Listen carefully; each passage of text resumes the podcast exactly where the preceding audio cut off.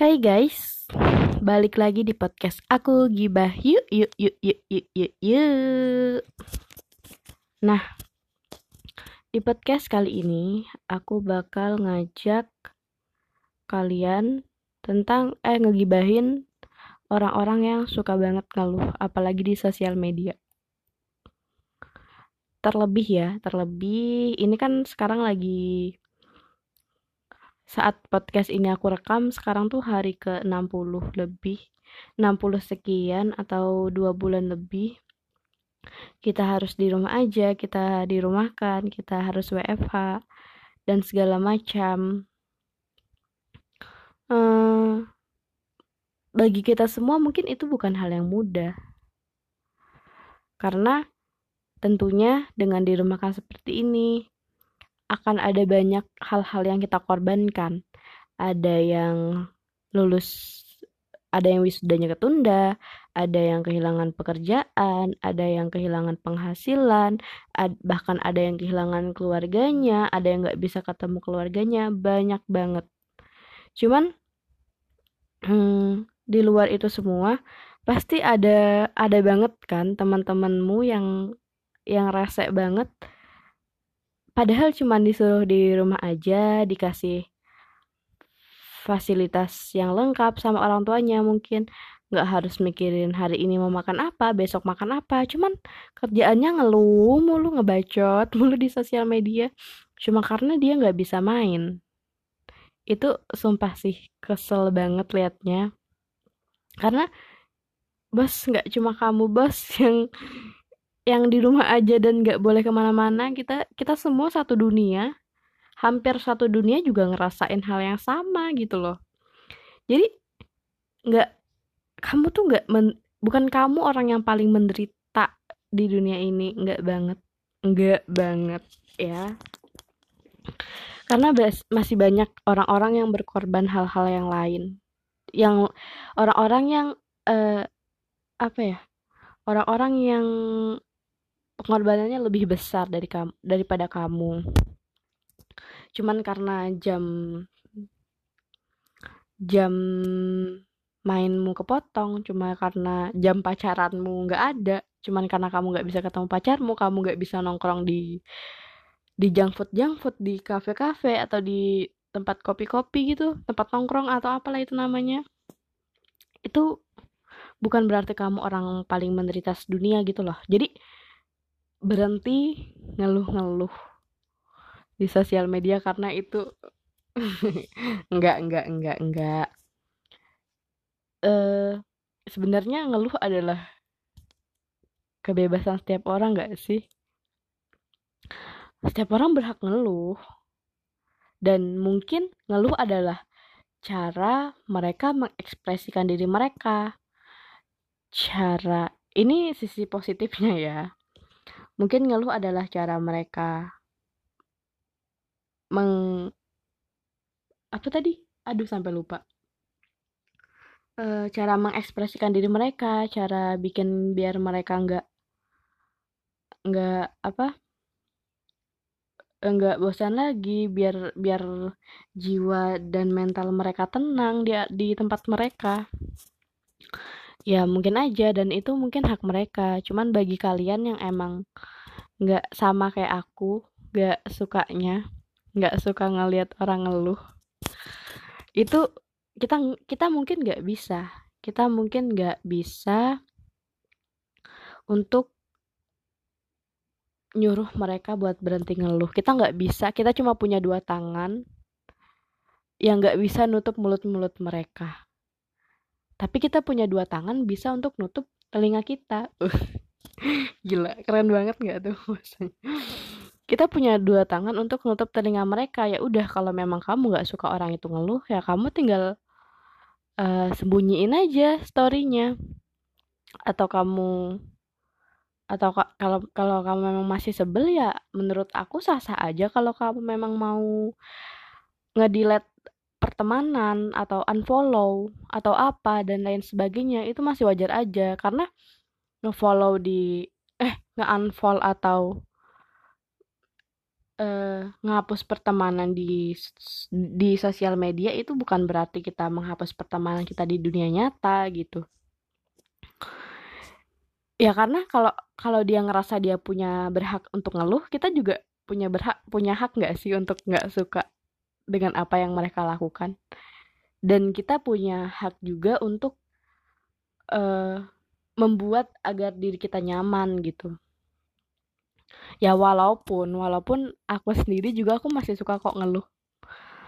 Aku juga suka ngeluh cuman karena aku nggak suka lihat orang ngeluh jadi aku berusaha untuk meminimalisir biar aku nggak kelihatan ngeluhnya di sosial media gitu. Karena itu annoying banget sih menurut aku ngeluh-ngeluh kayak gitu dan dan aku pun melakukan hal yang sama kalau misalnya Hah, sama dengan siapa? Dan aku pun melakukan hal yang tadi aku katakan. Kalau memang aku nggak suka, ya aku sembunyiin tuh storynya.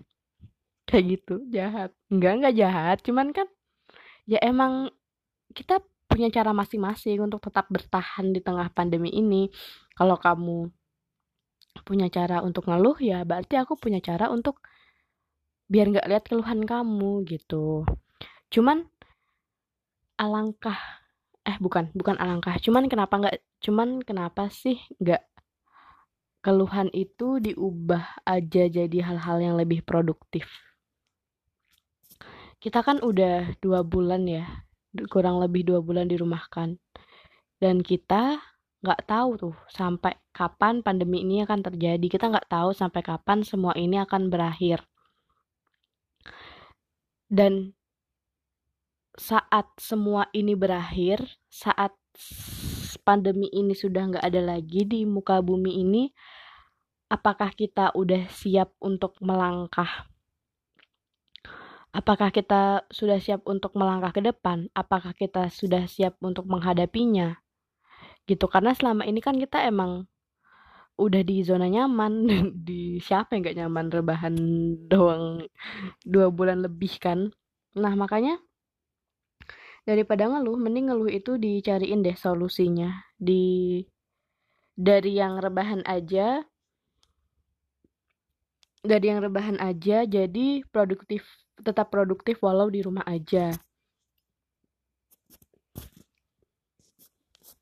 Kan ini ya dulu kan ada slogan ya. Eh bukan slogan sih kayak kata-kata gitu. Apa sih ya namanya ya? Nggak tahu. Kayak bilangnya tuh gini kalau kamu mau membantu bangsa ini eh kamu harus ah, kamu harus rebahan aja. Kayak gitu kayak gitulah pokoknya. Intinya intinya tuh kemarin tuh kata-kata yang center terdengar tuh kalau kamu mau berguna untuk bangsa ini atau kamu mau jadi pahlawan ya kamu harus di rumah aja. Ya mungkin itu akan sangat berguna di awal-awal kemarin di di saat-saat pertama-tama pandemi ini terjadi ya. Karena emang kita emang nggak punya pilihan lain selain itu. Dan menurutku kata-kata itu tuh emang nggak bener-bener kamu harus di rumah aja guys. Cuy cuy itu nggak bener-bener kamu harus di rumah aja. Cuman kayak itu tuh kata-kata yang biar kamu uh, udah kamu mau di rumah aja. Karena gini kan karena seseorang itu Hmm, nggak mm, akan ngelakuin kalau dia nggak akan gimana ya sebuah himbauan itu nggak akan digubris sama orang-orang kalau dia nggak menarik kalau dia nggak unik kalau dia nggak nggak bikin yang baca cengar cengir nggak bikin yang baca jadi bangga dan lain sebagainya kayak ini kan kayak waktu ada himbauan kalau kamu mau jadi pahlawan, kamu harus di rumah aja. Yang baca pasti tertantang, eh bukan tertantang sih kayak, oh dengan di rumah aja aku bisa jadi pahlawan nih gila nih keren banget keren keren banget gue bisa jadi pahlawan walau di rumah aja dengan rebahan aja gitu kapan lagi kan nah itu berlaku guys untuk di awal-awal sebagai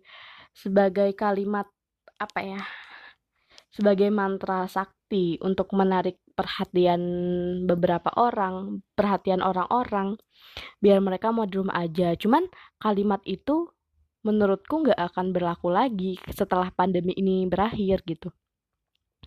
setelah pandemi ini berakhir kita nggak akan tahu apakah dia akan lurus-lurus aja apakah hidup akan kembali berjalan mulus apakah ternyata hidup akan sama seperti sebelum pandemi ini terjadi atau malah atau malah hidup akan lebih uh, apa ya bahasa yang tepat akan lebih berkerikil lagi dari uh, daripada saat pandemi ini terjadi. Kita nggak tahu gimana ke depannya karena itu rebahan aja nggak cukup guys. Dua bulan rebahan aja. Untung kalau kamu kalau kamu cuman eh untung kalau setelah pandemi ini terjadi hidup akan tetap lurus-lurus aja kalau misalnya hidup ternyata berkerikil setelah pandemi ini terjadi, dan kamu selama pandemi ini terjadi tidak menyiapkan apa-apa, kamu cuma rebahan aja. Ingin memaki lagi puasa. Kamu setelah pandemi nggak nggak bakal bisa keluar-keluar malah stroke cuy. Setelah pan eh, pas pandemi rebahan-rebahan aja nggak ngapa-ngapain aliran darah mu nggak jalan ke mana-mana mampet terus tiba-tiba ternyata hidup gak baik-baik aja setelah ini ternyata persaingan kerja semakin ketat entah apa semacamnya. Darahmu tiba-tiba dipompas begitu cepatnya. Anjir. Itu apa enggak apa enggak apa ya? Apa enggak chaos cuy? Jadi di tolong tolonglah tolonglah. Tolonglah jangan rebahan saja. Ini sebenarnya kata-kata untuk diri sendiri sih. Tolonglah jangan rebahan saja. Ayo kita ubah dari rebahan aja dari ngeluh-ngeluh itu ke hal-hal yang lebih produktif lagi. Dan menurutku ngeluh itu tidak akan menyelesaikan masalah. Kamu nggak mungkin ngeluh-ngeluh setiap hari. Terus Tuhan bosan ngeliat kamu ngeluh. Dan Tuhan akan mengembalikan dunia seperti semula itu nggak? Menurutku ya walaupun apa pun yang Tuhan mau pasti terjadi. Cuman kayak ya ampun. Kalau kamu sampai ada pikiran kayak gitu aku nggak ngerti lagi sih. Oh iya ini kan kata kata Tuhan kan gini kalau dalam agama Islam ya eh, Tuhan akan merubah suatu kaum apabila kaum tersebut mau berusaha. Jadi ya kamu kalau mau berusaha ya ayo. Eh kalau kamu kalau mau berubah kalau mau dunia eh, negara ini berubah ya ayo gitu loh. Ayo sama-sama uh, berubah sama-sama lebih eh sama-sama beralih dari ngeluh jadi mencari hal-hal yang positif. Kalau misalnya kan kamu uh, kamu bosan terus kamu ngeluh besok kamu bakal ngerasain hal yang sama besok kamu akan ngeluh lagi. Besoknya kamu akan ngeluh lagi karena kamu tidak pernah menemukan solusi dari apa yang kamu sedang pusingkan dari apa yang kamu sedang permasalahkan sedangkan misalnya kamu ngeluh terus kamu mencoba untuk mencari solusi, eh kamu ngeluh, kamu bosan. Terus kamu mencoba untuk mencari solusi dengan misalnya cari hobi-hobi baru, misalnya menulis. Oh ternyata menulis nggak cocok, udah ganti uh, menggambar. Oh menggambar nggak cocok, udah ganti uh, menjahit. Oh menjahit nggak cocok, kamu ganti memasak. Ya kamu seenggaknya tuh bisa kamu walaupun kamu nggak dapat secara skill tapi kamu tahu gitu loh kamu punya kamu punya sebuah sebuah ke pengetahuan kalau oh ternyata aku nggak bisa di bidang ini loh. Perutku keronyok keronyokan dong. Nggak fokus. Apa tadi? Oh ternyata aku tuh nggak cocok di bidang tulis aku nggak cocok di bidang menjahit ternyata aku lebih cocok di bidang masak. Itu kan seenggaknya selain kamu menumbuhkan pengetahuan baru kamu juga jadi tahu skillmu apa. Misalnya nih kamu ternyata oh ternyata aku lebih suka masak nih. Terus kamu masak masak masak masak masak terus selama pandemi kan uh, setelah pandemi bisa aja kamu buka warung makan, bisa aja kamu buka restoran, bisa aja kamu buka tempat-tempat nongkrong ya enggak siapa yang tahu siapa yang siapa yang tahu hasilnya hasil akhirnya. Karena uh, usaha eh hasil itu tidak akan pernah mengkhianati usaha. Begitu dan siapa tahu di pandemi di saat-saat tidak pandemi kamu nggak bisa ngerjain ini nggak bisa ngerjain itu ternyata pas pandemi kamu malah bisa gitu loh ngerjain. Jadi gitu. Jadi uh, untuk aku untuk kamu untuk kita semua lebih baik mari berhenti untuk mengeluh mari mengerjakan hal-hal yang lebih bermanfaat, hal-hal yang lebih positif, menyebarkan hal-hal yang lebih positif, karena itu selain baik untuk kita, juga baik untuk orang lain, ya enggak sih? Jadi, kita lebih saling membantu, nggak malah saling bacot di belakang gitu. uh, mungkin itu aja di podcast aku kali ini yang bisa aku ceritakan kepada kalian semua. Kalau kalian pengen aku bahas apa gitu, kalian bisa banget email atau kalian pengen curhat bareng aku, kita bisa curhat di podcast ini. Kalian bisa kirim curhatan kalian ke email aku yasinta.erikania@gmail.com. Oke? Sekian aja sampai di sini. Bye bye.